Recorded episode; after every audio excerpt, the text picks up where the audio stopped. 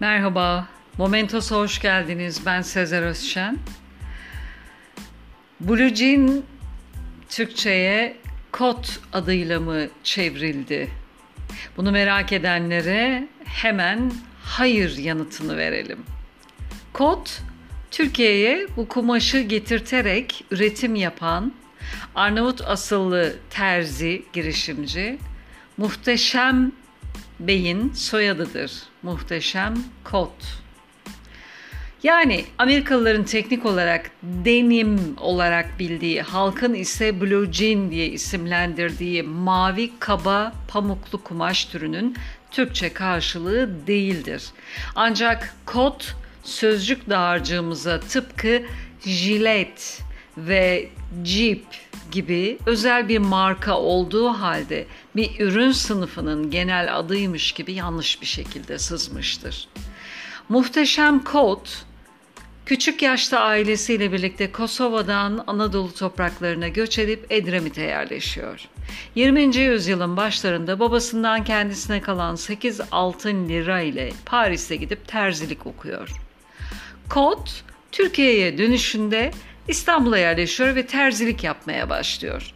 Kaliteli ürünleriyle kısa zamanda ünleniyor. 1940'lı yılların sonunda Fransa'ya yaptığı bir gezide denim kumaşından yani blue jean kumaşından ürünlerle karşılaşıyor Kot. Çözgü iplikleri indigo boyalı, atkı iplikleri ise doğal renginde yani beyaz olan bu kumaş o tarihlerde Avrupa'da iyice popüler bir kumaştır. Muhteşem Kot sağlamlığına ve dikişlerine hayran olduğu bu kumaşı Türkiye'de üretmeye karar veriyor. Kot'un Blue Fransa'da tanışması doğal. Zira Fransa'nın Nimes kenti tıpkı İtalya'nın Cenova kenti gibi özellikle bu alanda ön plana çıkan bir kent. Blue Jean asıl e, adını Cenovalı denizcilerin Blue de Jean, Cenova mavisi diye adlandırdıkları kumaştan alıyorsa Amerikalıların söylediği şekliyle bu denim kumaşı da adını Fransa'nın Nimes kentinden alıyor. Kumaş Atlantik'i geçince Serge de Nîmes, Nim'den gelen çapraz dokunmuş kumaş olarak anılıyor. Uzun gelince de önce de Nimes zamanla da denim deniyor. Kumaşın hikayesi de ilginç. Başrolünde Amerika'da 1853 yılında daha 24 yaşında bir Alman göçmeni olan Levi Strauss var.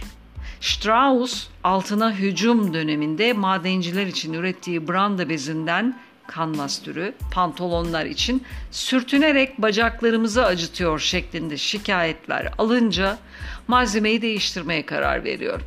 Bu malzemenin yerini Güney Fransa'daki Nimes şehrinden fitilli desene sahip çift katlı dokunmuş kumaş alıyor. İşe bakın ki Nimes kenti bu kumaşın atalarıyla 18. yüzyılda Osmanlı sayesinde tanışmıştı. Nimes'deki dokuma endüstrisi Avrupa için yeni olan bu dokuma biçimini Türkiye'den mavi beyaz pamuklu kumaş ithal ederek geliştirmişti. Marsilya Ticaret Odası arşivlerine göre kaba mavi pamuklu kumaşlar Marsilya limanlarına İzmir'den gelmişti. Halil İnalcı'ya göre Osmanlı'nın güney vilayetlerinde mavi pamuklulardan üretilen blue daha sonra İspanya'ya geçti ve plantasyonlarda çalışan işçiler ilk olarak giymeye başladılar bunu. Oradan da zamanla tüm dünyaya yayıldı. Anadolu'nun mavi pamuklu kumaşı çıktığı dünya yolculuğunun en önemli durağı olan Amerika'da 1890'lı yıllar geldiğinde artık 501 oluyordu. İşte kot Fransa'da Anadolu'dan yüzyıllar önce Avrupa'ya aktarılmış bir kumaşın çağdaş versiyonu ile karşı karşıyaydı. Onun da misyonu bu kumaşı Anadolu'ya döndürmek olacaktı. Kot Türkiye'ye döner dönmez işe koyulup Galata'da Saint Pierre Han'da bu denim kumaştan pantolonlar üretir ve bunları kapı kapı dolaşıp pazarlamaya başlar. İstanbul Necati Bey Caddesi'nden Ankara Hergele Meydanı'na kadar işçilerin, köylülerin alışveriş ettiği pek çok dükkan ve ürünlerin alıcısı olur. Muhteşem Kod 1958'de vefat ettiğinde firması artık günde 200 pantolon üretmektedir. Ölümünden sonra işin başına eşi ve kayınbiraderinin yanı sıra kendisi gibi Fransa'daki terzilik okulu Institut La Devez Daru da okumuş olan oğlu Aytaç Kot geçer. 1960 yılında bu kumaştan yapılan ürünler ailenin soyadına istinaden Kot markası olarak tescil ettirilir. İşçiler ve köylüler tarafından tutulan bu pantolonlar Kot markasıyla 1978'de Avrupa'nın ilk Blue Jean fuarına katılır. Devir artık taşla yıkanmış pantolonlar devridir. Bu yenilikle bu fuarda tanışan Kot firması da bu modaya uyar.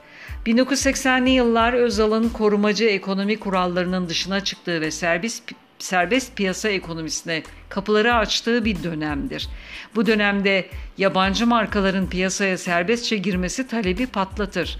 Satışları azalan yerli marka Kot, yıllardır Türkiye'ye kaçak olarak girmiş yabancı markalarla artık hiç rekabet edemez. İşlerin kötüleşmesi üzerine 1992 yılında üretim durdurularak fabrika kiraya verilir. Kot'un Türkiye macerası da bu şekilde sonlanır. Aytaç Kot, merhum gazeteci Yener Süsoy'un kendisiyle yaptığı ve 10 Mart 2003 günü Hürriyet gazetesinde yayınlanan röportajda Kot'un genel bir pantolon kumaşı türü değil bir marka olduğunu tüketiciye yeterince anlatamadıklarını söylüyordu. Aytaç Bey, Kot kot değildir diye bir reklam kampanyası bile yapmış ama sonuç alamamıştı. Blue Jean'i Amerikalıların geliştirdiği bir dokuma türü zannedenler kotu da bu kumaşın çevirisi zannetmekteydi. Kot bu şekilde piyasadan silinir gider ama Levi's kot aldım kendime bugün benzeri ucube cümlelerle adı kalır yadigar.'' Bu yayını Akdoğan Özkan'ın Gafillikler kitabı Boş bulunup yanlış bildiğimiz 101 şey isimli kitabından alıntılanmıştır. Dinlediğiniz için teşekkürler. Hoşçakalın. Momentos'la kalın.